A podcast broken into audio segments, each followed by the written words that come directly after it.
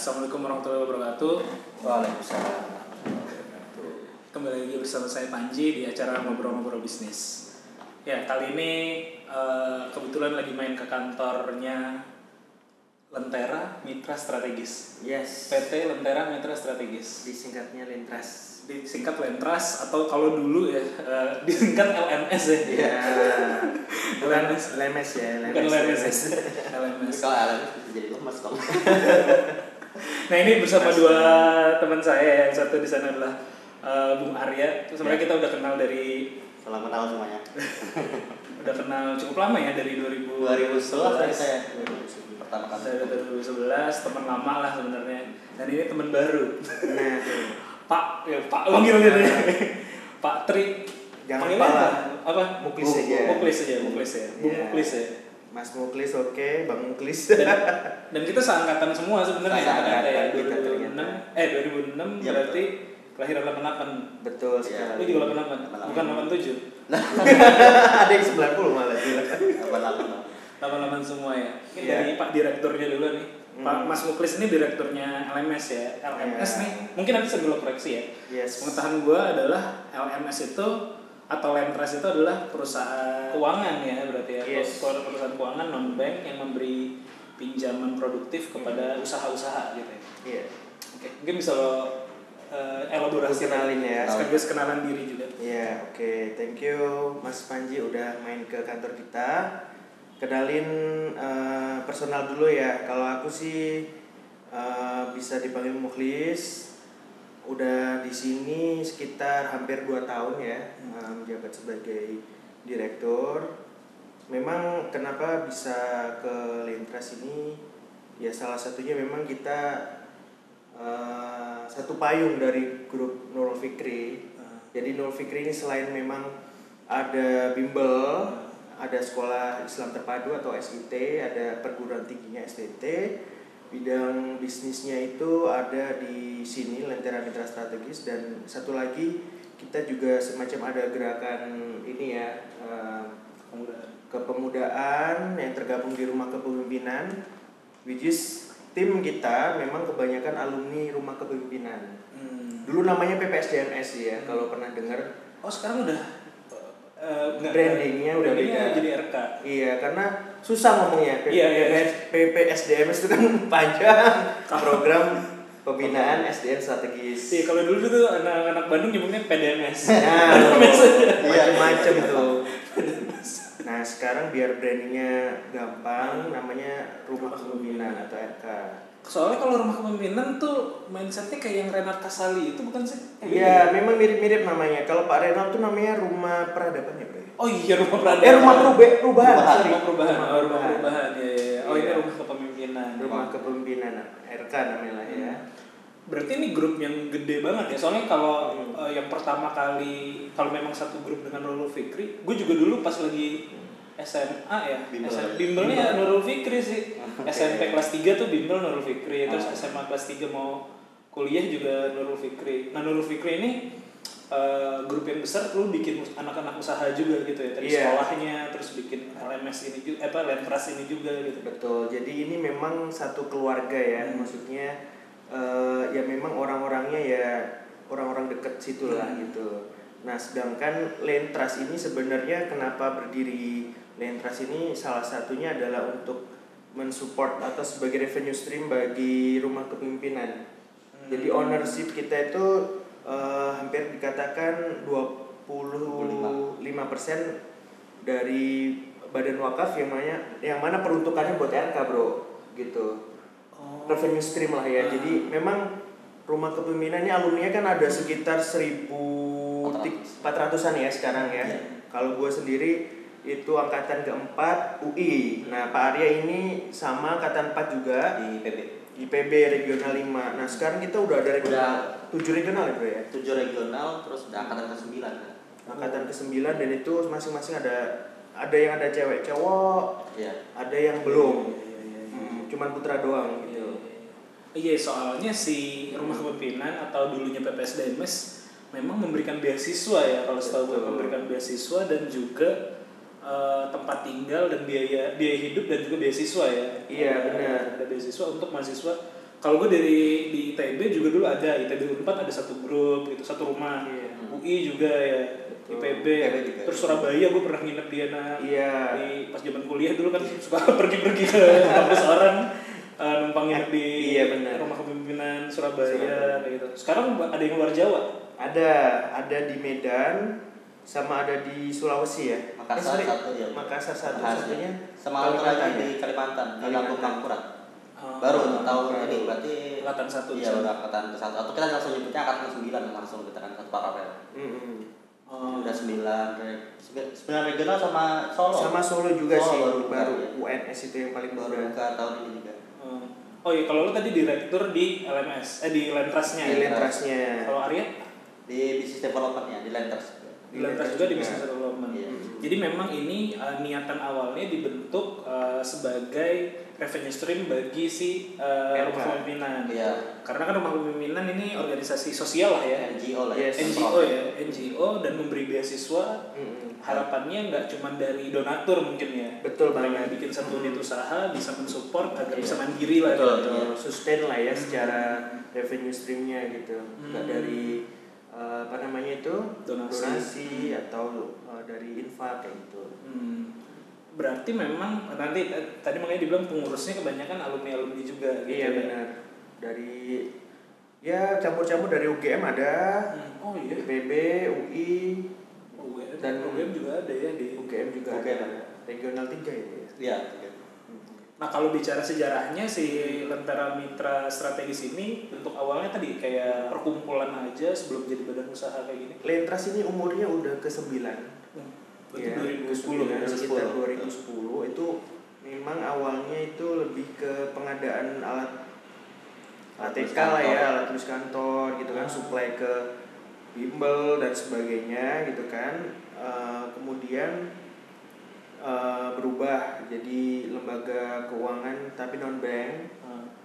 ya investasi ke beberapa ya kayak financing project gitu kan.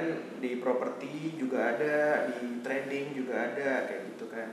Nah sekarang eh, tahap lebih ketiga ini operating juga dia.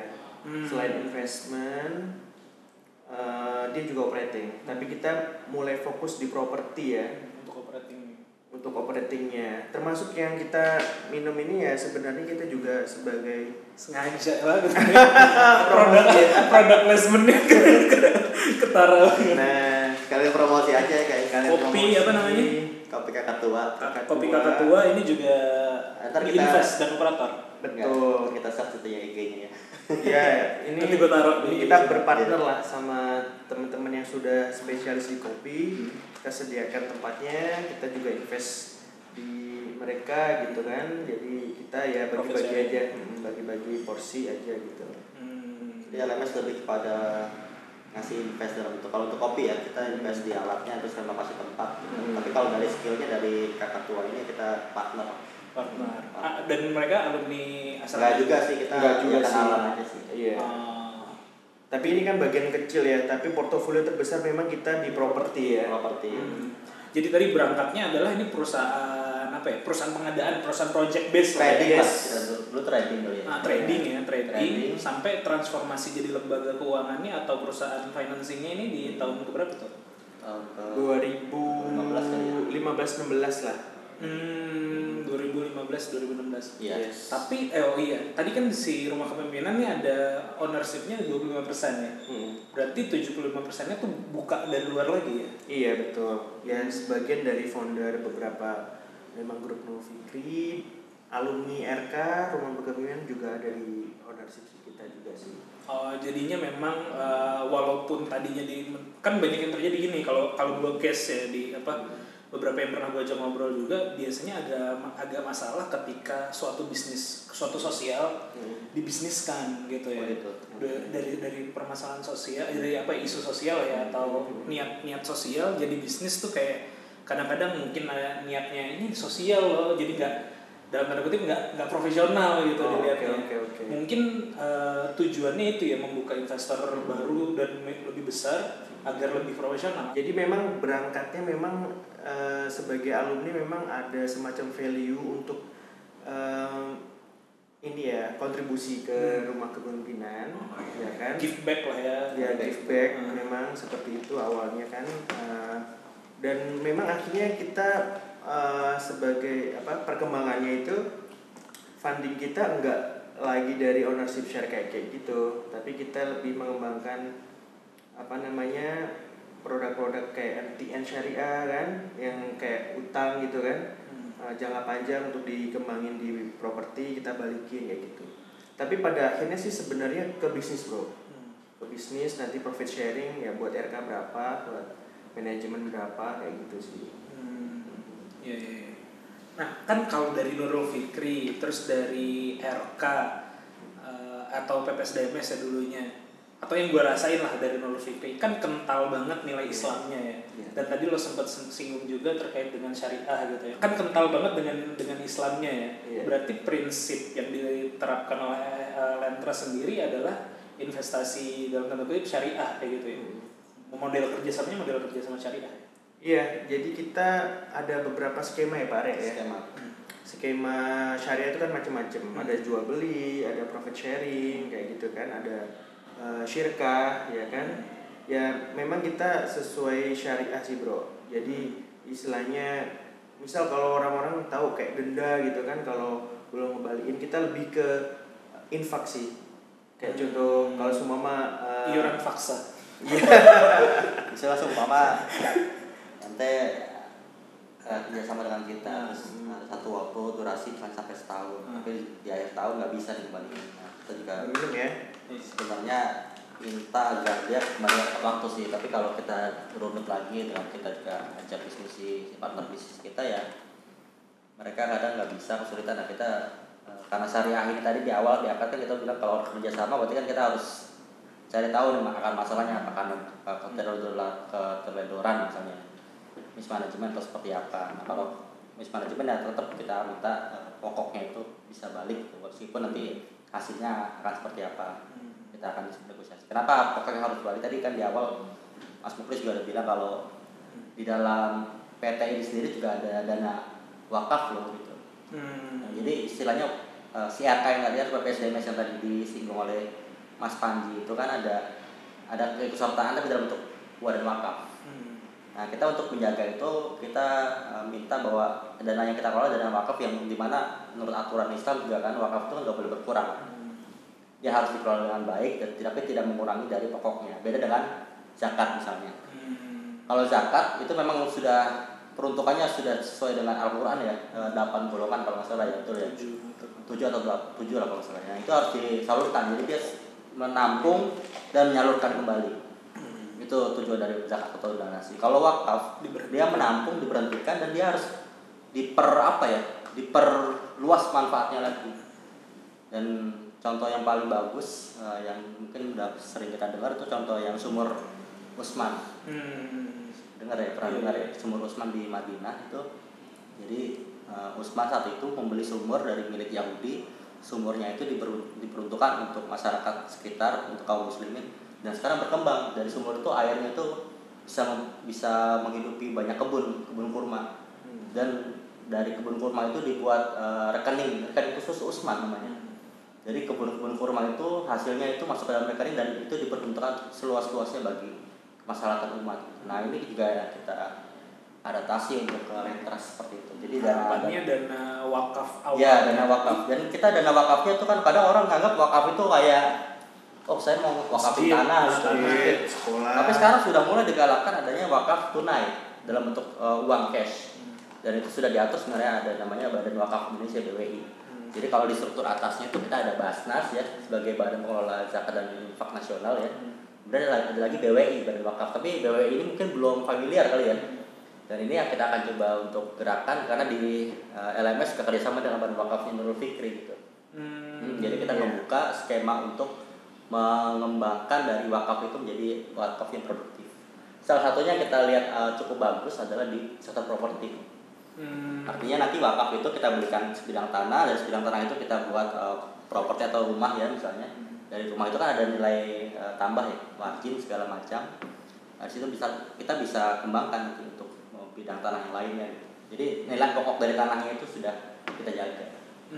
Oke Oke. Nah, Kalau dari sisi ininya ya, uh, mungkin karena bisnis developmentnya ya, Betul. apa, uh, kalau dari sisi, oke wakaf kan uh, itu sosial ya, apa namanya? ya uh, gerakan sosial bisa juga. mm, apa namanya untuk ya bagi saya misalnya saya berwakaf itu saya tidak mengharapkan return kan sebenarnya dunia Sebenarnya nggak ada, iya betul. Re- return dunia tidak gitu return akhirat tentu kan Betul. Eh, dunia enggak gitu kan maksudnya berarti tidak ada margin sedangkan kalau ditaruh di dalam misalnya dalam unit bisnis eh, unit bisnis kan tujuan mencari keuntungan Jadi keuntungan. betul. Eh, itu sifat wakafnya di- dipakai kebermanfaatnya untuk RK tadi ya gitu ya Iya yang sebenarnya kalau ya. iya kalau untuk Nurul Fikri ya kita karena skopnya di Nurul Fikri ya kita sampaikan bahwa kita kan punya lembaga pendidikan karena kan bisa juga wakaf itu dibutuhkan untuk pendidikan, untuk Ah, kesehatan kan iya, ya. iya, iya, iya. Seperti wakafnya misalnya global wakaf ya yang Hmm. umum juga tuh. Global Hmm. wakaf itu kan juga diperuntukkan bagi kemanusiaan misalnya ke ACT ya. Iya, CT. Nah, ACT itu untuk kemanusiaan tapi mereka punya lembaga wakafnya sendiri gitu. Yang mengelola dana-dana dari eh, donatur tapi dalam bentuk wakaf. Dia kembangkan contoh yang paling eh, sekarang lagi heboh itu Sodako. 212 Mart, Iya. Hmm. Sodako, pernah mungkin lihat ya di pinggir-pinggir jalan tuh ada semacam kayak gerai-gerai eh, ini market lah ya. Nah, itu awalnya dari wakaf. Hmm. Wakaf umat dibuat seperti itu dan nanti kembalinya dalam bentuk eh, dana kemanusiaan. Nah, kalau kita berarti dananya itu untuk peruntukan Jadi pendidikan. ibaratnya eh, apa namanya? Ibaratnya yang tadi ya jumlah wakafnya tuh tetap Mm-mm. menghasilkan Betul. eh, yang menghasilkan yang jadi produktif ini bisa manfaatnya jadi jadi terus Iya, jadi terus-terusan. Misalnya kalau saya berwakaf satu juta gitu, misalnya juta. kalau tunai gitu, satu juta, satu juta dalam satu hari mungkin habis. Tapi ketika satu juta gue wakaf dan jadi produktif, Hmm. mungkin besok bisa jadi menghasilkan 5 juta. Betul. Bisa- oh Iya. iya, jadi lebih Jadi sejutanya itu Mengalir ya. betul sejutanya tetap harus ada secara Hmm. nominal atau Base. secara aset ya pemilikan. Underlying-nya. Tapi nanti hasil manfaatnya itu kita salurkan. Salurkan kepada banyak manfaat, misalnya pendidikan, Iya. kesehatan, macam-macam lah ya. Beda dengan dari don- donasi. Jadi donasi itu begitu ditaruh dikumpulkan, dia harus memang harus habis. Kan emang nggak boleh ditahan-tahan, harus Iya. habis. Kalau wakaf justru ada sedikit eh, ditahan yang pokoknya itu, tapi kita salurkan untuk manfaat. Oh iya iya. Contoh kemarin kita juga baru buka proyek ya ya. Iya, kita buka proyek yang di Cilangkap Depok. di Depok juga. Kita Ini kan masuk ke Jakarta Selatan tapi dekat ke Depok juga. Iya. Oh, ini udah Depok belum? Ini Jakarta Selatan. Selatan ya. Jauh banget ya. Ya tinggal Jakarta Selatan aja. berapa lama jauh. udah beda wali kota. Jadi memang eh, portofolio kita banyak di Jabodetabek sih. Ah, di iya. luar Jabodetabek juga ada. Portofolio properti Properti. maupun non properti. Iya, tapi memang bisa dikatakan 85% lebih itu di properti, termasuk Oke. land banking ya. Hmm. Ada di Kalimantan ada, Palembang ada, yang di Jawa Timur juga ada, tapi di proyek-proyek resident uh, landed house kayak Hmm. gitu banyak di Jabodetabek. Jabodetabek, kita. ya. Mm-mm. Kayak gitu. Nah, kita beliin tanah kan? Hmm. Beliin tanah kayak gitu. Modal kerja kita biasanya juga blended sama uh, short financing ya. Hmm. Entah itu kayak semacam MTN syariah atau suku kayak gitu. Hmm. Tapi itu pun internal, Bro. Oh internal lagi. karena Jadi kan- apa eh, yang tadi shareholdernya lagi. Bukan shareholder aja. dan aku buka uh, skema Skema lagi. sukuk seperti itu buat modal kerja uh, dengan durasi sekitar 2 tahun uh, tahun. ya diputar kita bikin landed house yang lebih yang affordable lah ya di Hmm. kisaran ya 1 m ada di bawah 500 juta ada 2 m juga ada sih gitu. Jadi tadi eh, dananya eh, dana wakafnya mah bisa jadi tetap karena ketika mengerjakan proyek buka ini lagi ya, buka Betul. tadi ya, buka apa pendanaan modal kerja Iya, lagi, ya, short term investment lagi. Iya, ya. betul. Oh iya menarik sih. Jadi wakafnya itu dalam bentuk kita beli tan belikan tanah. belikan tanah. Jadi kita ya. jaga asetnya. jaga asetnya di situ ya. Ah, Jadi nilainya tetap di situ ya. Betul Iya. situ. Jadi pun kalau kalaupun nanti tanah itu dibangun rumah di atasnya kan, Hmm. Ya lagi. ada nilai selisihnya itu selisihnya kita peruntukkan ya nanti dengan pemodal berapa dengan kita sebagai manajemen berapa manajemen gitu, atau di internal seperti itu. Iya iya iya. iya. Menarik sih, menarik sih. Jadi unsur unsur mungkin yang jadi pembeda dengan lembaga keuangan lain seperti Hmm. itu ya unsur apa unsur syariahnya gitu ya iya terus ternyata di dalamnya juga ada yang dana wakafnya juga Iya, gitu ya iya.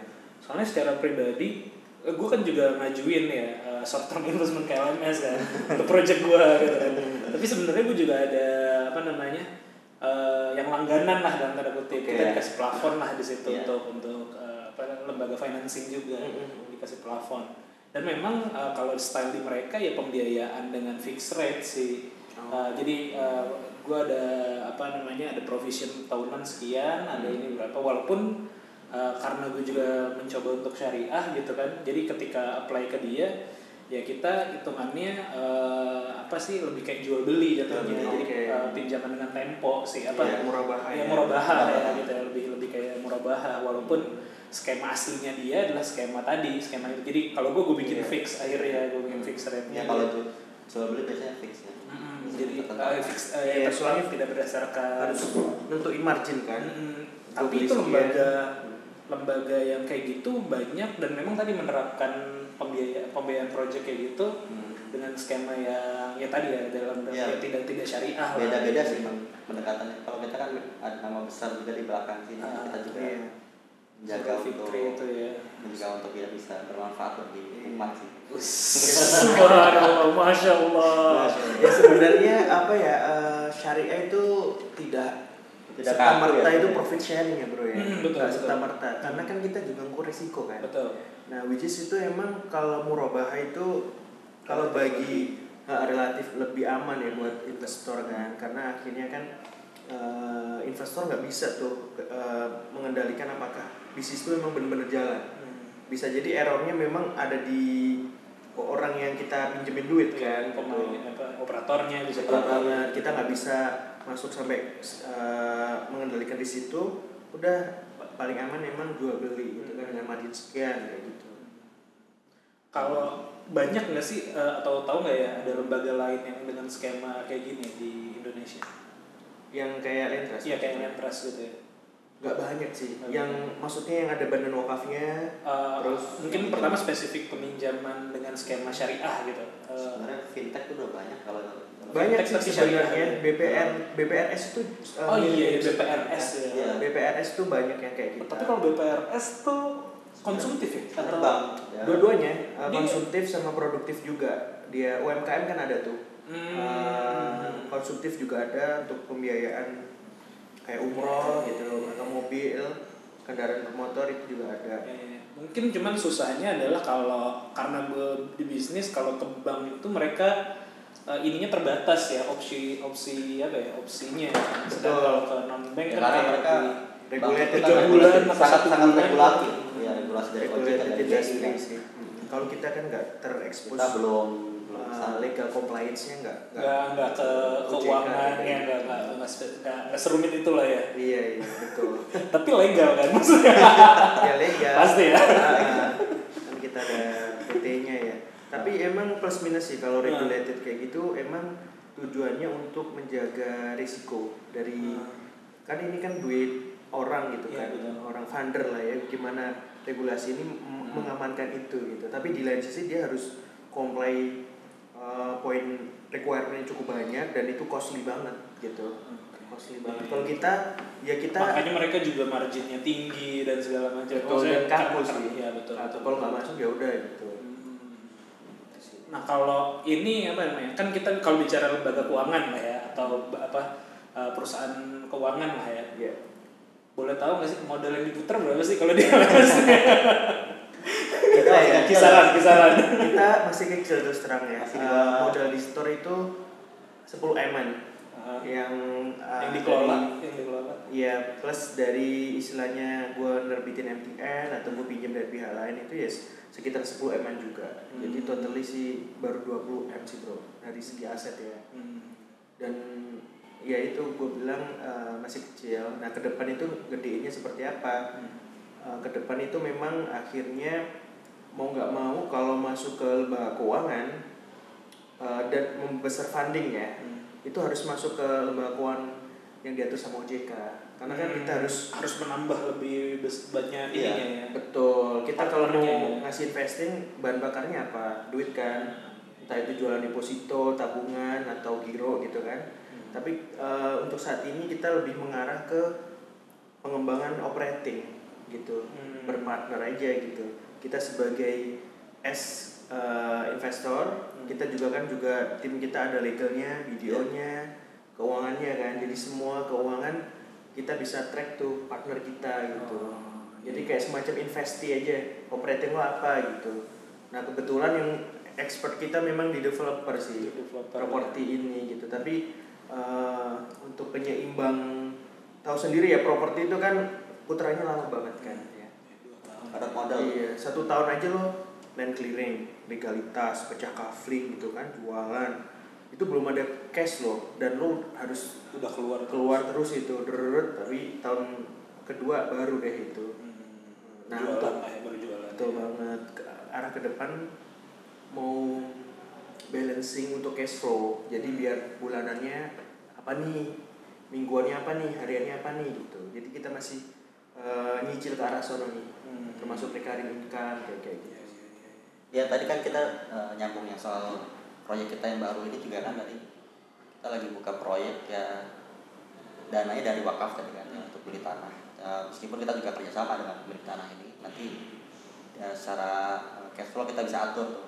Kalau jadi mah kalau di proyek properti ya eh, umumnya itu bahan pokoknya kan di tanah sebenarnya. betul Kalau kita bikin produk kayak gini kan bahan pokoknya ya di air, di kopi kan ya. Tapi kalau tak perumahan atau properti kan pokoknya tanah Hmm. dan bahan pokok itu nggak bisa bertambah lagi artinya di dunia ini tidak ada lagi penambahan tanah kecuali ya reklamasi. Tapi tapi kita nggak bahas cara itu ya. Ya jadi bahan pantai. Eh, bukan bukan penambahan. Iya. Jadi artinya apa? Artinya di di tanah sendiri kan akan terus cenderung trennya naik. Nggak nggak mungkin tren eh, turun ya di properti dan itu cenderung yang paling aman. Ya. iya. Iya ya selain juga barang eh, apa mewah juga ya. Karena tanah itu nggak bakal ada tambahan lagi jadi wakaf itu dijaga dengan cara dia beli tanah tanah itu dikembangkan dalam bentuk ta- hunian atau rumah nanti rumah itu kita jual dengan margin tertentu Nah, jadi mungkin bisa kita mau buat modal kerjanya juga kita bisa atur dari cash flow-nya pembeli sebenarnya kita atur juga Hmm, jadi ibaratnya tadi maksudnya dikerjasamakan belum tentu tan lahan itu dibeli full dulu gitu. Iya, betul. Yes. Hmm. Iya. Karena kita kan ya kadang karena tadi apa eh, ada limit lah ada limit dari sisi Iya, ada cash flow jadi kita. di Memang kalau properti padat modal, padat modal ya, Hmm. padat modal, modal padat modal capital banget. intensif banget lah ya. Iya, iya, iya. Itu tanahnya aja udah berapa persen kan dari tapi Iya. tinggi kan maksudnya eh, mungkin da- dalam satu tahun eh, ki- kisaran berapa sih kalau properti itu eh, Apanya? returnnya gitu ya Oh, ini ya bisa ROI. ROI-nya bisa sampai Oke, mungkin kalau untuk pro, kan properti projected ya, Hmm, projected. Eh, karena kita bangun terus jual, Iya. gitu kan, itu memang cukup tinggi. Eh, project satu project itu memang tergantung sih berapa unit dan sebagainya, tapi mungkin rata-rata bisa gue bilang kalau normally katakanlah ada 30 unit, 20 sampai 30 itu sekitar 2 tahun. Yaitu kalau ngerjain sendiri itu bisa 100% sih gitu. Oh, iya, Bahkan satu- lebih satu- gitu. satu kalau ngerjain sendiri ya. Bahkan Dari lebih. ROI ya. Uh, ROI itu kan masalah uh, modal awal. net Iya. uh, income dibagi modal lo kan. Itu sebenarnya main-mainan angka aja. Lo modalnya lo ke- kecilin, misal katakanlah harga tanahnya itu 1 M, tapi kan lo bisa nego tuh. Hmm. Pak saya punya duit 200 juta doang, nanti Hmm. Mainin cash flow aja tuh uh, sisanya gue dari ah. situ. Misal lo 200 juta, tapi lo profitnya kan gede banget tuh bro. Hmm. Misal hmm, gue punya rumus singkat sih. Jadi net income itu rata-rata sekitar 20 sampai 30% dari sales lo. Net income 20 sampai 30% dari Dari sales. sales, iya. Dari sales. Dari- ya. dari sales atau net profit margin lah ya. Iya, iya. NI dibagi sales. Nah, kalau omset lo tinggi, Hmm. uh, lo tinggal kali 25%. Itu net dapat net income kan Net kita. Iya. Katakanlah uh, salesnya 10 M. Eh jangan deh 1 M deh. Hmm. Modal lo tadi berapa? 200 Misal misalnya. 2 juta. 200. Uh, NPM-nya sekitar 25 lah. Hmm. Berarti kan net pro- uh, net income lo sekitar 250. Hmm. Berarti gimana? 250 dibagi 200. Hmm. Itu kan udah 100% lebih kan. Iya. Hmm. Gitu. Modalnya cuma 200 juta, tapi Iya. netnya bisa 250. Bisa 250 ya. Ya, di properti bisa kayak gitu.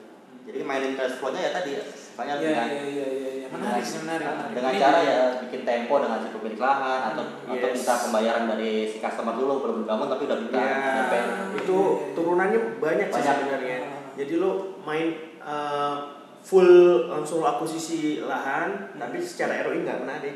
Iya. Karena lo mod- modalnya kan gede tuh. Iya, butuh modalnya Ya besar. kan? Ya kalau gue lebih ke gue spread. Hmm. Ada duit berapa nih? Misal 2 M. Hmm. Kalau bisa jadi tiga proyek deh. Hmm. 500 500 satunya 1 m gitu Iya. jangan langsung 2 m lo lunasin itu nggak menarik banget gitu. Hmm. kayak gitu dan eh, berdasarkan pengalaman Hmm. eh, pemilik lahan itu oke oke aja dengan dengan maksudnya nggak nggak bu lah ya Nggak- oh macem-macem Macem-macem. Ada banyak permintaan Macem-macem juga. negosiasi. betul jadi kunci dari apa namanya bisnis properti ini ada di land acquisition Land acquisition butuh negosiasi kan Hmm. nah negosiasi ini udah ketemu macam-macam orang lagi BU lagi nggak butuh BU kayak kayak gitu Hmm. alhamdulillah kalau kita uh, lagi ketemu sama orang yang BU artinya kita bisa nego kan secara tempo Hmm. dan kita nawarin skema sih istilahnya ya, kalau kita modalnya terbatas ya Pak ya. Betul. Pak gimana kalau ini uh, oke per meter berapa Pak satu juta luasnya berapa Pak seribu berarti kan satu m Betul ya. saya punya duit 500 nih uh, sisanya 500 plus saya nanti bapak saya kasih satu rumah. Uh, satu rumah bisa. Atau margin uh, 10% lagi Dari jadi gua hargain satu rumah satu. Ah. Itu bisa juga gitu. Jadi kayak gitu tuh nggak ada rumusnya sih. Ah, gitu. itu maunya nego apa, ya, tergantung negosiasi ya. Betul. Ada juga yang mintanya saya minta rumah semuanya tiga buat anak saya gitu. Hmm. Terus saya minta apa gitu. Nggak harus always do it sih bro. Gitu. Hmm. Jadi lu bisa tuker ke aset Iya, yang iya. lain. makanya kalau dulu tuh mungkin dulu gue pernah yang ikut-ikut kayak training atau seminar apa tentang Properti. itu Iya. kar- mungkin karena dulu gue basicnya belum terlalu banyak bis belum terlalu eh, terjun lama di bisnis belum terlalu engah bahwa beli properti atau main properti tanpa modal dulu kan ada sering-sering ada seminar-seminar kayak gitu Iya, tuh Iya. Sebenarnya- baru engah sekarang karena bisa Iya. diakalin dengan cara ya skill negosiasi Iya, terus betul, ngelihat betul. dan uh, melihat uh, ya orang lahan nganggur juga Hmm. tidak produktif gitu kan ketika kita Betul. mainkan nilainya jauh lagi berlipat bisa bagi hasil juga gitu Betul, ya Betul banget. menarik sih menarik menarik Ya tanpa modal sini bukan berarti nol Iya, banget iya, ya. iya, Ini bukan. kan ada punya skill tadi, Iya, skill iya, iya. negosiasi atau skill bagaimana dia mendevelop tadi tanah yang Hmm. wah ini tanah ini buat apa nih kan nggak jelas gini kan Betul, secara betul, betul. uh, tra- apa dari akses jalan belum ada tapi begitu dia udah punya proyeksi bakal jadi perumahan yang cakep Hmm. itu menarik juga bagi sisi pemilik lahan. Oke, ini ada teknis lagi nih, ada teknis nih. Eh, berarti yang pertama kali lo ukur ketika ngelihat pot- potensi lahan nih misalnya, Iya. potensi lahan adalah eh, pasti gue gue berharap harga jualnya kan, gue pasti kan eh, pengen tahu harga jual lahan tersebut di daerah tersebut berapa. gitu. Yes. Berarti lo survei dulu di sekitar situ. Iya pasti. Yang gue pertimbangin sama tim ya. Iya. Pertama eh, lo lihat di situ kanan kirinya sih udah ada perumahan Hmm. berapa jualannya berapa. Iya. Eh, apa namanya kan kelihatan tuh misal 1 m gitu. Hmm. Oke 1 m eh, dengan tipe sekian, tipe bangunannya katakanlah eh, 80, luas tanahnya juga 80 itu 1 m.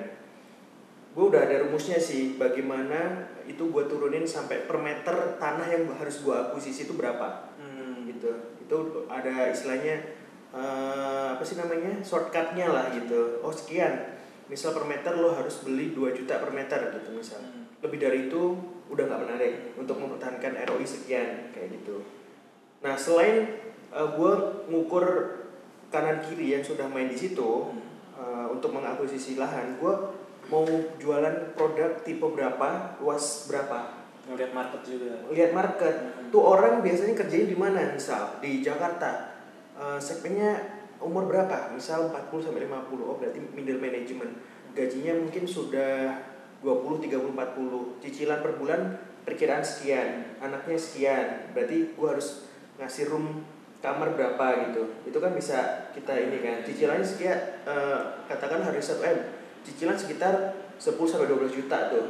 Ya kan ya sebulan gitu jadi gua ngukur keterserapan sih kemampuan dari customer untuk ngebeli itu soalnya pernah nih ya contoh gue lanjutin di Jakarta bro ya Iya. kita jualannya Betul sih. 2,4 m 2,4 namanya. itu Tipe? enggak tipenya itu luasnya 150. 150 Iya. bangunannya dua lantai 160-an ya bro ya Eh, ada yang ya relatif sama. Iya, 120, sama eh, 160, 180 gitu. Itu gua jual 2,4 m. Itu laku cepet banget. Jaga karsa padahal ya. Jaga Nah, kasar. harusnya tuh kalau bagi gue udah jauh banget sih. Eh, Kalau di sini memang termasuk daerah ini. Kalau tanahnya mentah aja daerah ini kan masih Hmm. dari rasa ya. Ah. Tanah Hmm. mentahnya sekarang udah 8 juta per meter. Iya. 8 juta Gila, sampai ya. 10 juta bahkan. Depok tuh 10. gila ya. Nah, Jakarta Selatan. Iya, Jakarta Selatan. Itu relatif lebih murah bro daripada kalau lo ke kebagusan itu tuh udah lebih gila Gue lagi. iya sih. Gue orang Jakarta Jakarta Timur dong. Eh, Jadi kayak situ tuh jauh banget. Iya, makanya kita eh, sekarang banyak properti kita eh, bangunnya di daerah pinggiran, Iya, Bogor, iya, agak iya. di persanaan. Kenapa? Karena kita pertama mengincar aksesnya karena yang kita targetin harga rumah yang di bawah 500 juta. Yes. Oh iya, masih Itu biasanya orang-orang yang baru nikah atau baru Iya. punya anak satu itu Milenial lah ya. Iya, ngincarnya rumah-rumah yang dekat akses ke transportasi publik. Ah. Mm-mm. Contoh kayak kita punya di Citayam, kita dekatnya stasiun Citayam. Ya, Citayam juga jauh. Citayam loh, ya, tapi Ya, masih lumayan dekat. dekat. kereta Iya kereta. cicilannya kan 4 juta gitu Iya. gaji 8 juta 9 juta Jadi income paling 10 juta Income masih, masih bisa. masuk kan bro Iya, iya, Kayak iya. fresh graduates kan Nah, masih masuk suami istri kerja. Iya, gitu. gitu. Untuk Jadi secara di situ juga oke sih, pasarnya masih terbuka banget. Oke. iya Ya berarti kalau dari sisi investmentnya eh, ya pasti kita nge- ngelihat tadi eh, market atau sekitarnya eh, Iya. jual harganya berapa berarti value si daerah si- situ berapa jadi kan dari situ gue bisa ngukur Butuh investasi ya butuh berapa. investasi berapa gitu Yes. kan, dan balik modalnya berapa dan butuh Yes, modal banget. awal berapa tadi ya kalau udah bisa di yes yes banget bro menarik sih menarik dan dan juga selain itu pasti ngukur tadi marketnya pembelinya Iya. kayak gitu ya, ya, ya menarik menarik apalagi nih ada tuh gue jadi gue jadi belajar Oke, mungkin gini ya, mungkin kata orang 2019 ini tahun politik ya. Nah, sekarang Oke. sudah beres kan, sudah selesai alhamdulillah ya. Uh, mudah-mudahan nggak ada lagi perpecahan. Jadi tahun politik itu bukan berarti orang nggak ada yang pengen beli rumah loh. Jadi nggak, betul. walau meskipun daya daya tur, uh, daya beli agak turun ya meskipun ya, uh, memang diakuin sih ada yang bilang banyak pengusaha-pengusaha bilang wah berat nih tahun ini. Tapi rumah-rumah yang di bawah 500 juta, 300 jutaan lah katakanlah itu masih banyak peminatnya. Jadi memang kalau kita nyasar ke segmen itu ya kita masih terbuka besar. Makanya yang sekarang kita coba bangun ya di bawah 500 saja. Meskipun masih bisa sih kalau kita naikin margin ke lebih tinggi yang 1M tapi ternyata berat juga ya 1M itu. Berat. Kecuali jadi kalau mau jangan terlalu middle banget jadi atas kalian. Jadi Yes. nyasar yang dua setengah M tadi itu Iya. masih banyak.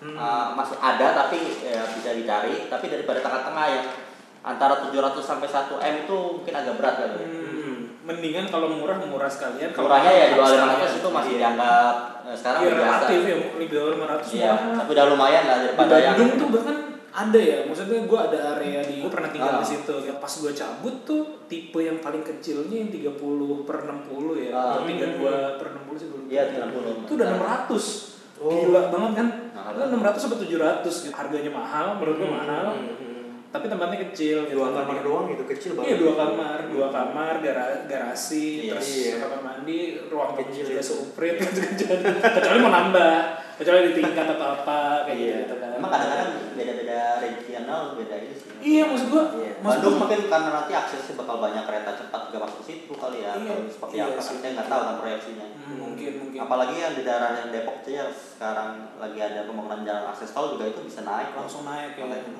Hmm. Sawangan kita juga punya tuh di eh, komplek DBDN juga kita tanahnya sendiri aja udah 6 juta sekarang. Oh iya lumayan. kita mau bikin rumah berapa nih kalau kita biasa aja kan sayang ya katakanlah kita mau bikin rumah satu setengah m lah kita jual karena tanahnya sendiri udah segitu 6 juta Eh, sekarang nih banyak yang menganggap atau banyak cerita lah di internet gitu Iya. dan banyak juga teman-teman yang bercerita teman-teman gue juga cerita gitu bahwa milenial tidak bisa membeli rumah. Sebagai lo pandangan lo lo perusahaan keuangan nih tapi banyak proyek properti dan Iya. lo operat- operating lang- langsung gitu. Ya menurut lo gimana? Pernah dengar gak sih Pernah. milenial tidak mampu membeli rumah lagi? Atau ada juga ada mindset ada gerakan gitu. Milenial tidak perlu beli rumah gitu bahkan ya. Karena lo sekarang kerja mobile kalau rumah malah membatasi lo misalnya. Apalagi misalnya kalau dari sisi pendidikan sekarang ada zonasi yang segala macam. Oh gue salah milih rumah nih. Anak gue jadi pendidikannya jelek gitu kan. Iya bisa juga. pandangan lo sebagai ini gimana?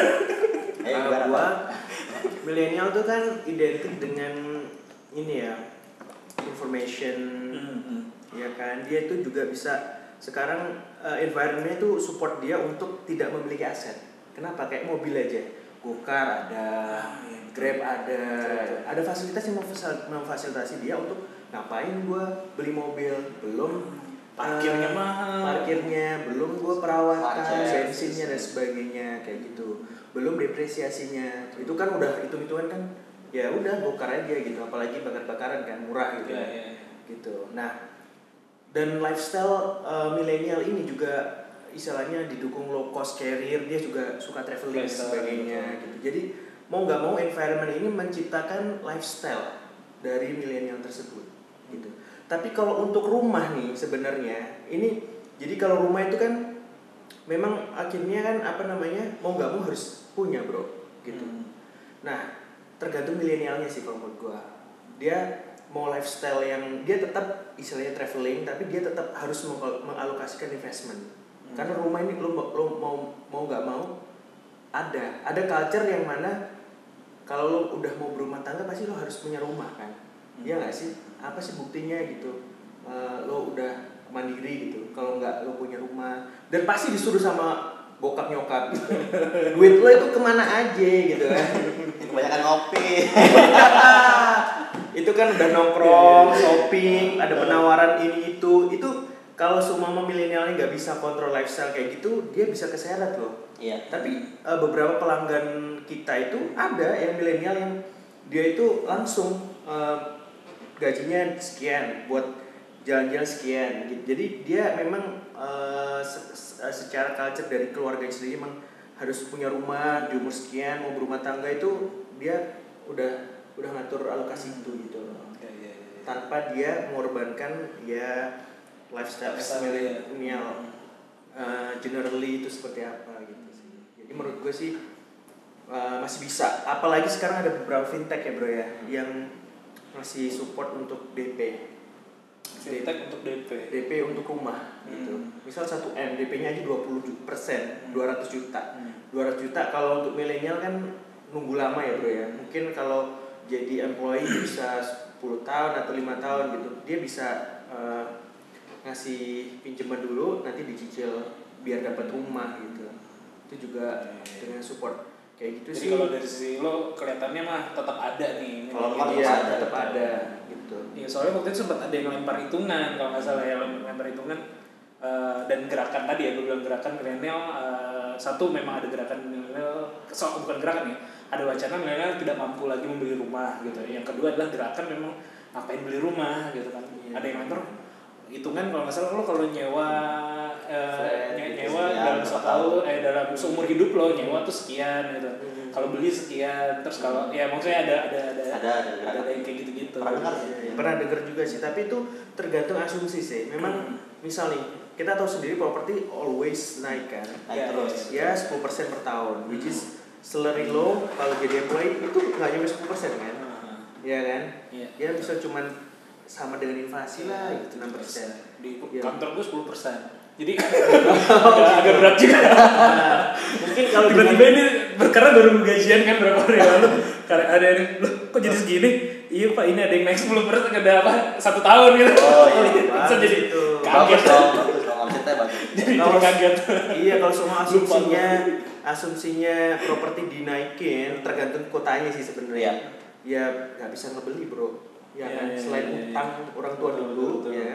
Tapi mungkin kalau di daerah yang masih sub urban gitu masih Iya, iya. affordable lah. ya, ya mungkin tadi ya apa mungkin dalam tanda kutip milenial tidak bisa beli rumah Hmm. di tempat orang tuanya tinggal karena misalnya kayak gue di Jakarta ya buset Iya, udah- iya, iya, bener banget. udah berapa tuh sekarang gitu kan Dan tidak bisa- gue ngeliat PBB-nya aja NJOP-nya udah segini nih Dan tidak bisa- tidak bisa beli rumah seluas orang tuanya tinggal bisa jadi ya Orang Iya bener itu fenomena itu. 200 meter persegi itu kayak biasa kecil ya. Iya. Sekarang kita beli 60 meter persegi udah kayak seharga orang tua kita beli zaman dulu kali ya. Iya, bener banget. Dulu tuh di tempat gue ya, ini kalau rumah keluarga gue ya, maksudnya di Jakarta Timur. Jakarta Timur. Walaupun Jakarta Timur pinggiran banget, tapi udah mahal banget sekarang. Dekat Bekasi, ya? Karena gue deket, gue samping banget kantor wali kota gue. Oh, dekat Wali kota Jakarta Timur. Iya, iya. Ini nih rumah bokap gue, eh rumah bokap nyokap gue. Di sini rumah eh, paman gue, om Nah. sebelahan gitu. Memang, Iya. memang kayak bokap gue duluan beli terus, eh ngajak-ngajak pindah ke sini lah beli om gue beli sini. Terus nenek gue di sini, nenek gue paling gede tuh Oh. nenek gue beli apa eh, gede banget lah mungkin seribu kali Seribu meter ya kayak gitu ya mungkin lebih kali ya gue juga kayaknya lebih deh itu beli cuma lima ribu perak per meter dulu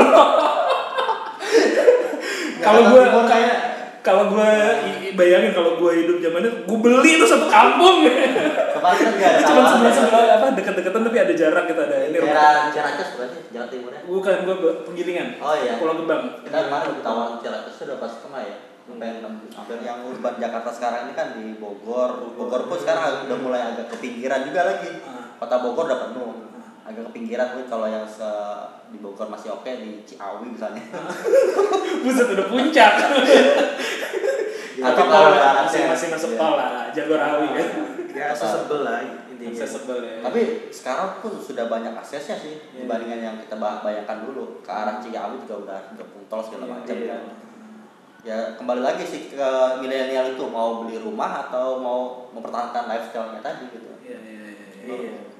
Ya kalau saya orang tuanya punya nasihat yang bagus misalnya nah untuk anakmu nanti seperti apa? Saya itu mungkin bisa bisa jadi pemikiran sendiri si milenial itu ya. Jadi kan selama ini kan dia merasa eh, dari orang tuanya udah ngasih ke anaknya ke dirinya kan. Dari dirinya ke anaknya itu seperti apa? Nah, kalau dia nggak punya rumah kan saya harus kasih apa Iya. buat anak saya. Saya pendidikan. Oh. yang lebih mahal adalah ilmu. Ya tapi emang selain faktor internal juga Hmm. eksternal tadi bro ya Oke. maksud gue internal tadi dari segi lifestyle kan Iya. eh, pilihan mengalokasikan budget dia Hmm. kalau eksternal kan eh, sebenarnya lo mau ngambil properti atau rumah itu di mana lokasinya kan itu Hmm. faktor eksternal misal di Sukabumi Sukabumi 100 ribu per meter masih bagus Iya, kok iya, iya. lokasi Masih ada, kan iya. bisa Betul, betul, dengan gaji di Jakarta lo beli bikin villa di sana kan ya milenial punya aset gitu betul betul betul kayak gitu Iya sih, ya gitu ya. Jadi memang pilihan ya, pilihan dia pribadinya Betul. secara pribadi. Betul Mungkin juga knowledge atau informasi yang main, apa yang Yes. yang bermain di dia gitu. ya. Menarik sih. Nah kalau spesifik properti yang lagi lo develop atau lagi apa ya, udah masuk fase jual ada nggak saat ini? ada lagi gua ada. lagi jualan ini yang baru bulan apa bro Mei ya baru mau ini kita jual ya bentar lagi baru Baru mau dijual. baru Jadi mau agen gathering tapi udah laku dua Uh, udah laku dua gila ya. dari 11 Kacang goreng aja. baru tanda tangan bulan Mei kemarin bro Bro, tanda tangan apa nih? tanda tangan kerjasama sama lahan Ah, beli lahan, Oh iya. Ah. Bahkan lo belum udah apa? Belum. belum jadi itu kayak clearing. strategi di di lapangan sih kadang gua land clearing dulu tapi eh, apa namanya baru deal. oh ini ini pada datang semua minta Ah, mintain iya. Ada aja ya. ada aja gitu banget. Legalitas gue masih nyicil di pecah kayak gitu kan ah diemin dulu aja dah nggak apa-apa jualan ini insya Allah bisa secara legal aman gitu gue jual under market dulu aja nggak apa-apa untuk uh, cash flow ya. Untuk cash flow tadi. gitu.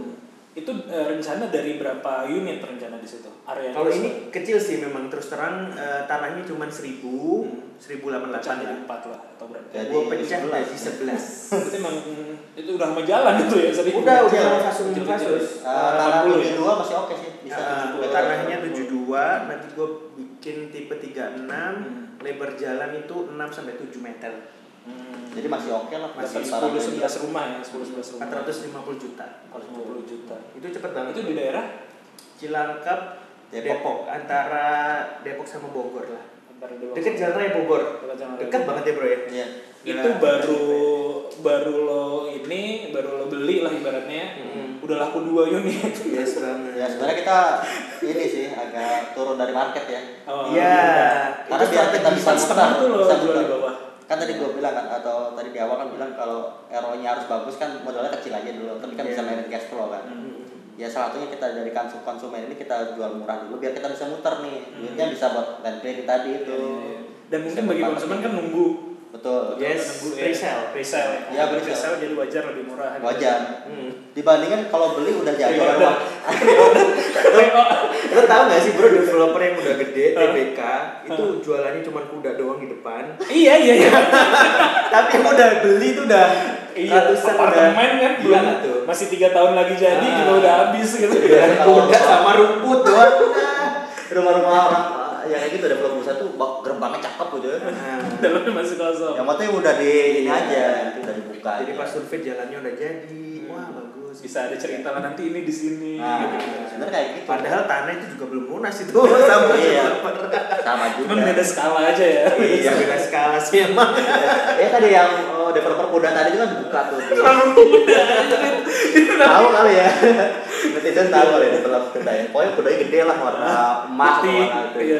Bukan kuda lumping loh ya. jadi ya kayak tadi eh, jadi artinya kalau kita mau punya eh, buka plaster atau buka rumah itu ya paling nggak kita buka gambaran aja sih gambar aksesnya kan seperti ini gitu jadi walaupun belum ada rumahnya ya sudah punya bayangan Oke, berarti tadi lo ada ada 10 unit, Ada ada laku dua. 11 Ada 11 dan ini lagi lagi mulai jualin lagi Iya, dulu. lagi Uh, jual. jadi memang dari ini dulu ya. Iya.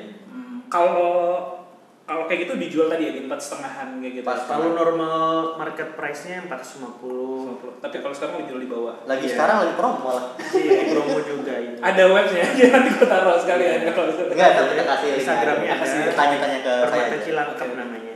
Permata Cilangkap. Iya. Eh, link ini aja sih link Google ntar kita buat webnya ntar lagi di develop Hmm. jadi lagi promo nih tiga unit pertama lagi setelah tadi dua unit uh, cash keras agak murah kita kasih 425 udah 425. dengan sertifikat segala macam udah beres Udah beres. nggak perlu tambah-tambah lagi DP cuma 10 persen Iya, dan itu bisa cicil 47.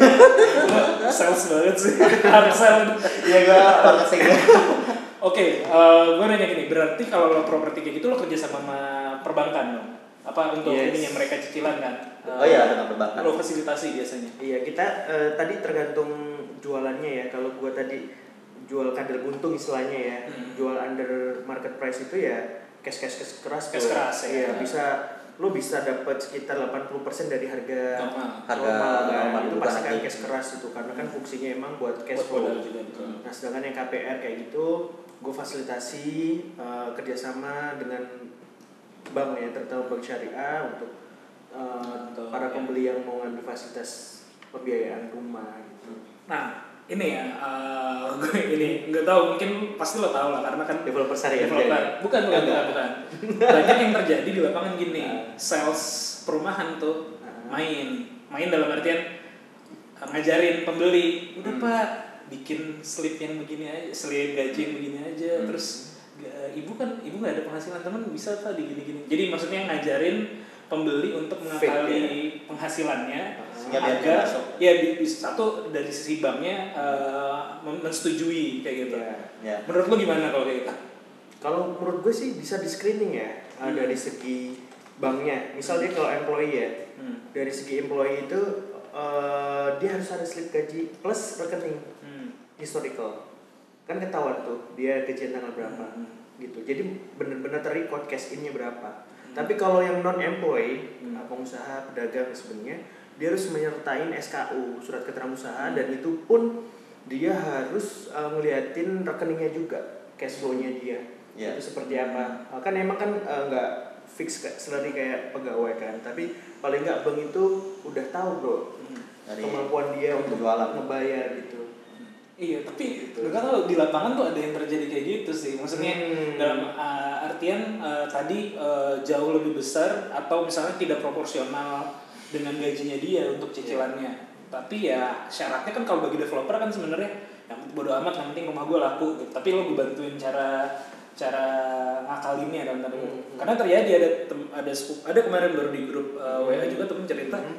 oh dia tadinya nyicil sini gitu dan uh, ya tadi dalam tanda kutip diakalin begitu eh terus kerjanya dipindah oh kerjanya dipindah jadi yang kurang oke lah ya Iya, uh, eh, susah dalam nah iya susah terus jadi susah dan berusaha akhirnya berusaha dijual sama dia Iya. gitu. Hmm, ya kita ada nggak- di lapangan yang kayak gitu tuh Betul, kita sih kembali lagi kepada si pembeli ya. Nah, Hmm. Kalau dia berkeinginan untuk soalnya kadang-kadang gini sih apa ya? Uh, apa kadang-kadang orang tuh ngerasa uh, apa namanya? Oke gue ngakalin yang penting gue bisa beli rumah dulu. Nah, dengan harapan pasti nanti gaji gue naik gitu. Iya, bisa sedangkan cicilan kan nggak terlalu naiknya signifikan gitu kan. Hmm. ya gitu sih. Kadang pembeli juga Harus. harus, percaya diri sih dengan apa yang dia uh, cicilkan nantinya kan. Karena gini kalau di bank tuh lihat kalau untuk cicilan mau cicilan rumah, mobil, macam-macam dia punya kredit itu maksimal 40% aja uh, dari semua 30%, penghasilan yang dia iya. dapetin.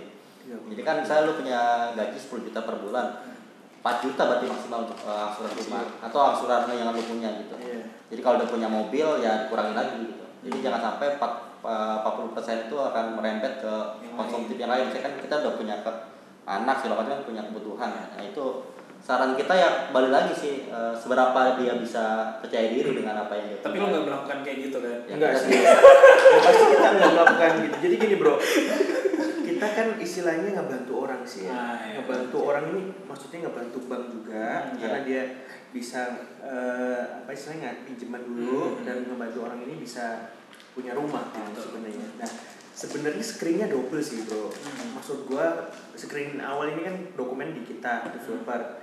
Ya udah kita nggak nyariin yang macem-macem lah gitu. Nah screening berikutnya adalah bank dong Iya, Bang. gitu jadi eh, jadi gue udah saring gue nggak ngakali-ngakalin kayak gitu terserah banknya aja Iya. gitu screeningnya screeningnya gitu kalau lolos ya udah kan alhamdulillah Lanjut. cair gitu angkat gitu tapi kalau di tengah perjalanan ya kondisinya macam-macam lah ya bro ya resiko itu ya memang resiko perbankan sebagai Hmm. financing Iya, institution iya. gitu loh Iya, bukan iya, developer iya. lagi gitu jadi sebenarnya developer ini ngejual ke bank bank ngejual ke Ke langsung end usernya gitu. Jadi akadnya jelas jual belinya bank bank yang membelikan rumah ke Hmm, kita hmm. kita Iya, iya, iya. terima duit dari bank. Ya, ya, ya itu ya. Maksudnya uh, di lapangan terjadi dan maksud gue gue Iya, gue gue pernah dengar. gue gue gue prihatin gitu dengan yang kayak gitu. Iya Karena- biasanya orang kan minta dibantu. karena maksa gitu loh karena Iya, maksa iya. Nah, ya itu sih Ya kalau lu nggak kuat dengan cicilan di situ ya cari lagi di lokasi yang lain misalnya berdekatan dengan stasiun kan lebih murah kadang. pernah ada case yang di Bekasi itu eh, selalu eh, nggak masuknya ke bank gara-gara cicilannya kurang. Istilahnya tadinya eh, sebulan tuh 4 juta, dia kemampuannya cuma 3 juta. Gua masukin ke bank itu ada berapa ya? Tiga kalau masalah itu Iya. ya. Itu tetap nggak masuk gitu. Nggak masuk dan kita nggak merekomendasikan untuk beli Ma- manipulasi asal-asalin dan gitu ya. enggak nggak mau gua. Nah ini ya ya udahlah nyari yang memang mampu membeli aja lah gitu. Hmm, pun masih banyak ya Masih gitu. banyak. Masih ada. Bagus, bagus, bagus. Oke, lu sekarang ada berapa proyek sih sebenarnya? Tadi kayaknya ada di Bekasi, ada di Hmm. yang sudah berapa yang lagi ongoing? Iya iya. Yang banyak ya sebenarnya. Lah. kayak yang yang yang tahun kemarin itu gue nambah empat. Itu di Jakarta. Ada itu yang 2 m lebih itu. Terus di Kalimulya Depok ya bro ya? Depok ya. itu juga ada 450 juta. Terus di mana itu? Cibinong ya? Cibinong ya. Cibinong ada 30 unit. Eh, terus satunya lagi itu Cilangkap Cilangkap juga Cilangkap tapi yang- bukan oh, Cilangkap yang sekarang tadi, bukan karena ya kalau tapi beda desa. Iya, kelurahan. itu jualannya 1 m. Terus tahun ini yang Permata Cilangkap mau nambah lagi sih ini lagi ini eh, masih nyari nyari investor. Sebelum sebelumnya masih ada juga yang masih belum laku. Oh sorry masih ada sisa. Yang di, Hmm. Bo- eh, di Bekasi tuh tadi ada Ada dua lagi di stok tuh di ada Bekasi. du- ada dua ya bro ya. Udah di stok, Di udah stok, itu udah bangun di stok ada yang masih nyisa lah gitu. Ada lima lah Bekasi Kediri ada, beda. Palembang juga beda. masih ada. Hmm. Di mana lagi bro? Emang- Bogor juga masih ada. Iya. Kadang gitu sih kalau di properti kita eh, pembelinya udah oke, cocok dengan rumahnya, eh nggak cocok dengan harganya. Maksudnya nggak cocok ya. ya iyalah. iya sih Iya kayak gitu. Iya, iya, Jadi iya. dia nggak nggak maksudnya nggak sanggup dengan eh, pembiayaannya, Iya, iya. cicilannya. Iya, Lu berarti kan handle banyak nih, ya. handle banyak kayak gini tuh pusing gak sih maksudnya lu timnya berapa? Sebenarnya itu tim kita berempat doang. Cuma Lima. berempat, bro. Serius? serius Eh, berempat nih di tim LMS-nya, di Iya. Lentrasnya. lima kali gitu Lima sekarang. Lima. Iya. Tapi eh, yang operator beda dong. iya Atau kan di bagian ini gue tadi juga? bilang kan eh, kita masih berpartner sama developer kan Oh, Dari Kita masih tadi. berpartner awalnya. Tapi di 2019 baru kita bangun sendiri ya. iya yang 2019 tadi itu es bener-bener developer lah meskipun juga masih berpartner lah gitu Hmm. kayak gitu jadi memang eh, dengan resource yang terbatas ya bro ya Tapi lo berarti main tadi main di da- apa eh, developer dalam artian tidak membangunnya ya, tapi lo lo akuisisinya, tapi lo dealingnya yang lo Yes, lakukan atau iya. Lentras yang lakukan, Kalau- nanti itu kontraktornya Betul banget. kanan gitu Betul. ya. Oke oke. Yang namanya developer itu memang ada tiga kunci nih kata Pak Are tiga P ya bro ya Ada tiga K aja gampang. oh iya Tiga. yang pertama Eh, perizinan. perizinan lu ngurusin perizinan nih sebagai developer terus yang kedua Pemasaran. pemasaran Ketiga pembangunan. yang ketiga pembangunan nah lo Ya. kan bisa outsource sebenarnya bro Ketiga. untuk pembangunan kan ya lo harus memanajemen bahan baku Iya, semuanya tukang itu kan Bisa sama gitu dengan kan. kontraktor langsung. udahlah kontraktor aja skema per, atau buat juga tahu lah hitung hitungannya Iya. gitu kan. Pemasaran lu juga bisa outsource. Sebenarnya ada banyak banyak betul, betul, tapi gue juga ada internal marketing yang support marketing toolsnya gitu. Satunya perizinan. Perizinan sebenarnya juga bisa di outsourcing sih bisa gitu. ke notaris langsung ya. Uh, uh, langsung ke notaris langsung. Lu capek lah ke BPN ke BTSP dan Lain gitulah gitu gitu tuh gitu. Jadi ya sama kayak itu keuangan sih kita harus bisa ngatur cash flow iya PT ke- Gata, PT Gata. Iya, perizinan, perizinan pemasaran pemasaran, pembangunan pembangunan, dan keuangan keuangan. sebenarnya empat kunci untuk properti itu aja sih bisa main ya sebenarnya project manajemen doang sih manajemen Iya. ya. Iya, iya, menarik, menarik. kayaknya bentar lagi mau buka. Siap kita support kan. Bandung bagus Bandung Bandung bagus, ada beberapa Bandung Barat udah katanya. Kepikiran nih tanahnya.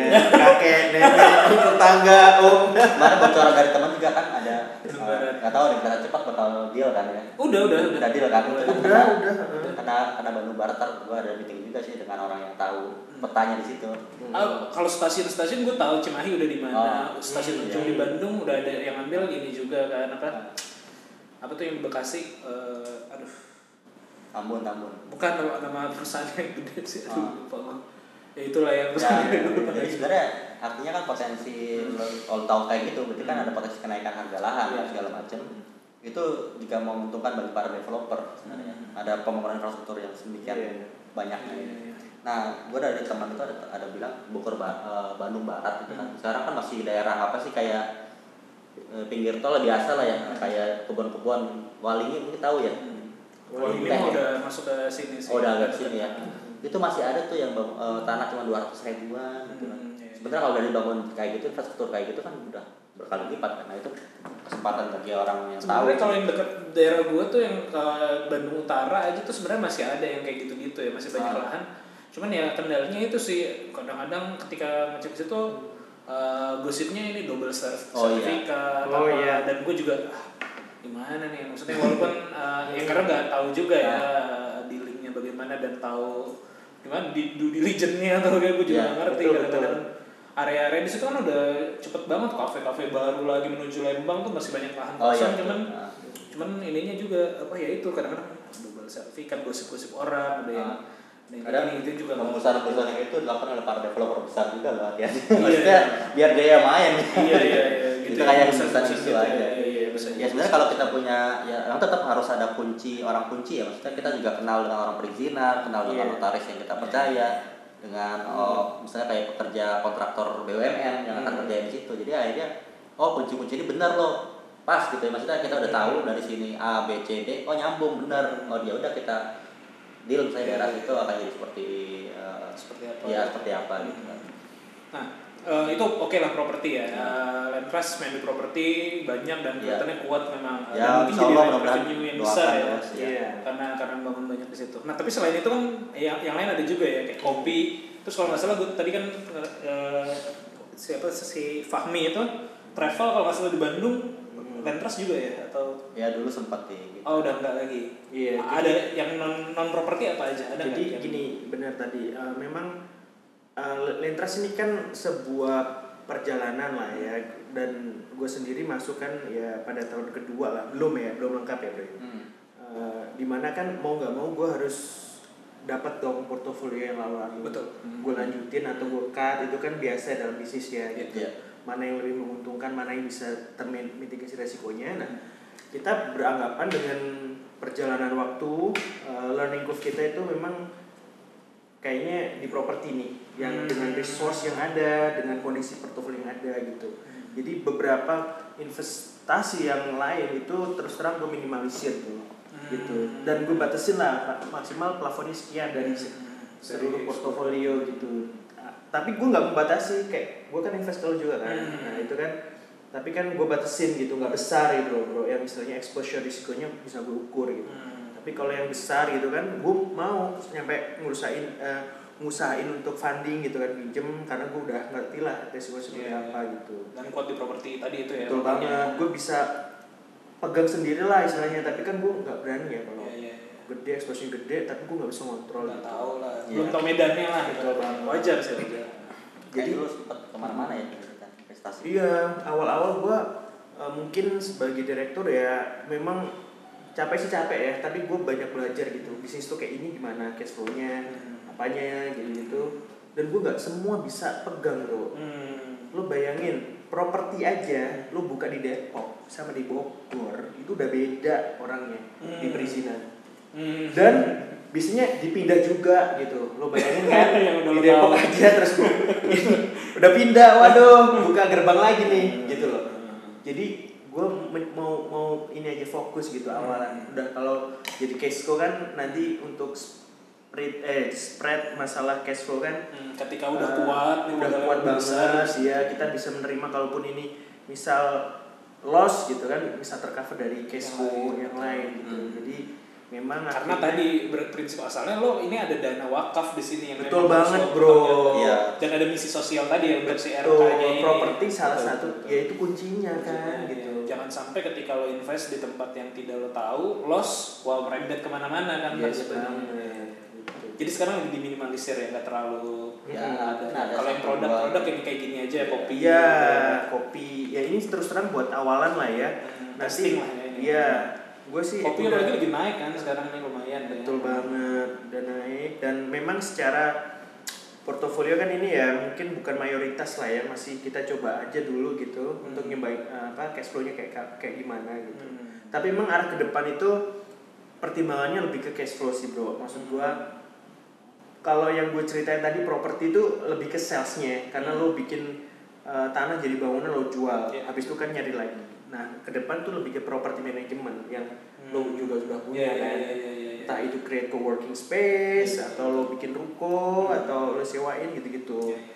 yang lebih aman ya gitu. ya recurring income yang bisa kita Iya. dapetin terus Terus. Mm-mm. Iya karena waktu itu gue apa ya kalau ngomongin properti kan sebenarnya ya tadi konteks P3 kalau lo itu kan itu ya dalam dalam dalam dalam konteks eh, sebenarnya konteks besarnya ada de- developer gitu kan. Iya, developer. macam-macam Sedangkan- itu. Ya sedangkan properti kan lo developer ngebangun itu bisnis. ya Nge apa ya menghidupkan ngisi konten itu bisnis Iya. gitu kan. Jadi memang Hmm. memang memang ber, berba- banyak gitu Banyak. ya dari ya dari developingnya itu bisnis di sini udah ada beberapa step nanti ngisi kontennya properti bisa jadi hotel Yes, bisa Iya. jadi cafe bisa Yes. jadi coworking space atau Yes, resort dan segala macam Iya, jadi kan memang macam-macam. memang lebih banyak ya ya mudah-mudahan keren sih Amin.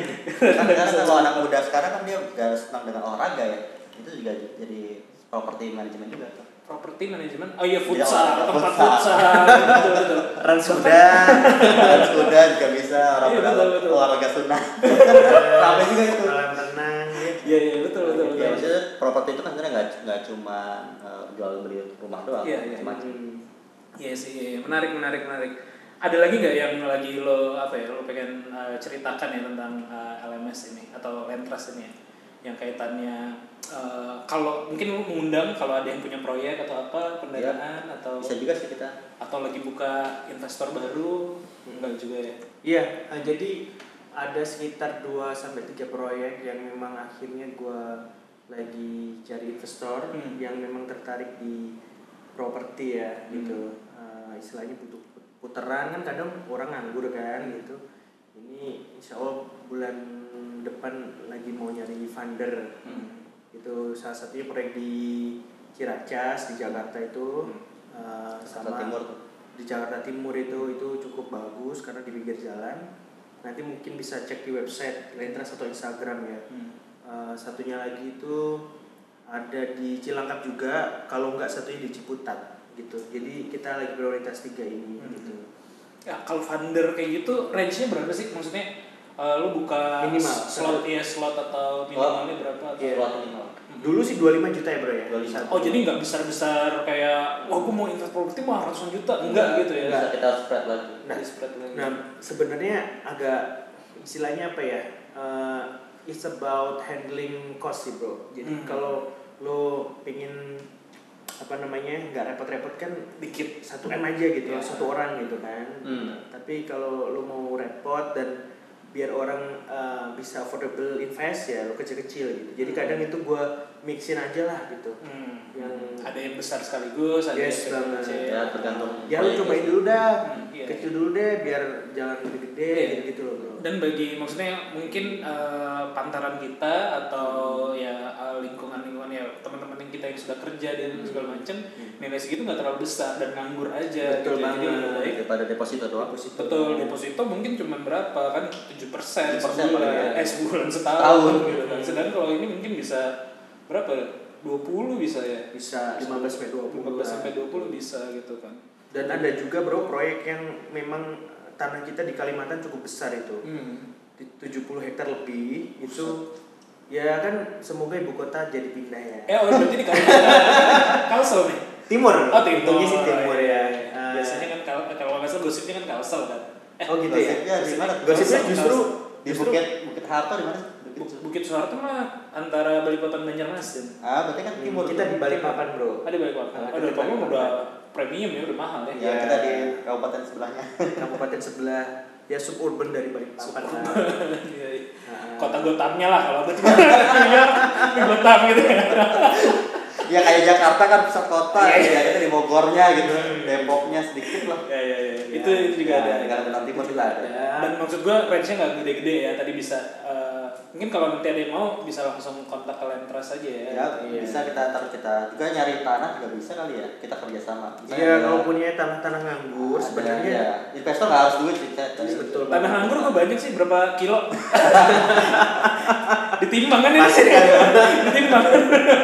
Kadang kan ada yang invest di beli tanah nih satu hektar orang tuanya atau siapa pun tanya Iya, keluarga kan. banyak sih. Nah itu yang kita coba olah nih apakah bisa kerjasama seperti apa. Hmm. Iya karena memang menarik di pemilik lahan itu biasanya kalau dia nggak uh, males dianggurin dan dia harus bayar pajak terus terusan. Betul, betul. NJOP naik mulu. NJOP naik gitu loh. Iya, Kayak kan gede, kena pajak terus terus. Iya. pasti.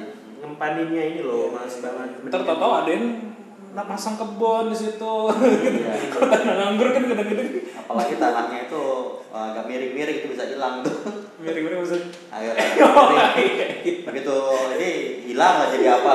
Mana dulu tanah di sekitar sini?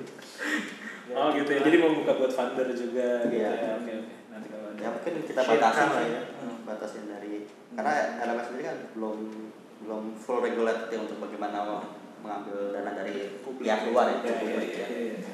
Iya, iya. Ya mungkin kita batasi dari teman-teman dekat kita lah. Biasanya. Ya kita kenal, kita bisa Ya soalnya gue juga kadang-kadang buka opening investment gitu juga banyak teman-teman sih yang Iya. apa namanya Yang trust aja yang, sih. yang tertarik aja maksudnya kan uh, project ya project Iya. dan juga perso- personal gitu Hmm, mudah-mudahan ada yang nonton dan Siap. bisa Amin, semoga channelnya makin subscribe. Nggak usah, nggak usah. Iya. Kan nggak bilang Kan menyebar manfaat bro. Kan makin banyak yang nonton banyak manfaat. sebenarnya kadang-kadang sih Nggak ya. terlalu nggak terlalu penting banyak tapi siapa Oh. Yang nonton nggak harus banyak ya. Yang nonton satu juta tapi anak kecil semua. itu adalah hiburan bagi orang-orang yang penontonnya sedikit Ya, Ya, nonton ya, sini ya, bentar. ya. Boleh, Ya, boleh. viewers banyakin ya nonton terus. Jadi udah ditonton, buka lagi besoknya biar nambah terus. Jadi Oke. biar bisa buka AdSense juga kan lumayan. ya paling gitu aja sih ya Oke. Uh, thank you banget ya sharingnya gue banyak belajar sih Sama-sama. Terima kasih banyak sudah sharing dan mampir di sini. Iya iya. Kapan-kapan main ke Bandung lah. Siap. Cari lahan gitu aja. Cari lahan. Gua ada rencana sih nanti tanggal. Bandung Barat bisa tuh ntar. Hmm. Oh iya kalau yang properti yang sales tadi, gue juga sempet bikin kan karena gue di IT. Hmm. uh, ada juga salah satu perusahaan uh, nge-hire gue untuk bikin uh, apa sistem penjualan gitu lah Hmm. penjualan. Karena dia udah kuat di selling, dia udah banyak apa anak buahnya untuk yang jago-jago lah jual-jualin. Gue pernah bikin kayak gitu. Jadi sedikit tahu kalau dari sisi selling. Sama ada beberapa temen yang anak agensi uh, s- benar Bandung Barat karena dia tuh agensi cukup gede ya, agensi iklan ya di, Hmm. Di Jakarta, eh, di Bintaro sih di kantornya. Sempat main ke Bandung loh, tumben lo ke Bandung. Biasa dia dia handle kayak Unilever kayak gitu-gitu yang gede-gede. Dia ke Bandung main karena ada satu perusahaan atau uh, properti developer gitu ya mau ngejual daerah KBP benar apa eh, lebih tepatnya pada larang sih Oh, daerah iya, kota iya. baru para Parahyangan itu Oke, ya. iya. Berarti memang kayaknya potensial sih daerah Iya. daerah situ karena udah ada pemain gede nih udah mulai ah, tim marketingnya ibaratnya disuruh ke sana ngecek lo cek ombak Iya. lah atau kayak gitu gitu Iya. Sebenarnya udah ada dokumen, tapi itu biasanya kan uh, agak agak rahasia ya internal Hmm. mereka ya. Ya kita juga mungkin akan nanti ada mitra kita juga mau meeting juga untuk bahas bahas itu juga. Oke, sukses terus nih Lentras. Thank Bung you, thank you, ya. Bung Muklis. Thank you. Thank you ya. Ya, thank you banget udah mampir. Ya, Jangan lupa di subscribe. Gak pernah gue. Kita gak bilang gitu. Enggak. Ya. Sekian semuanya. Assalamualaikum warahmatullahi wabarakatuh. Waalaikumsalam warahmatullahi wabarakatuh. Panjang juga kan. lumayan. Tadi potong. Berapa jam sih? Eh nggak nyampe kan? Sejam Jam tuh. Jam. Ini bro. Jam lebih. Lumayan.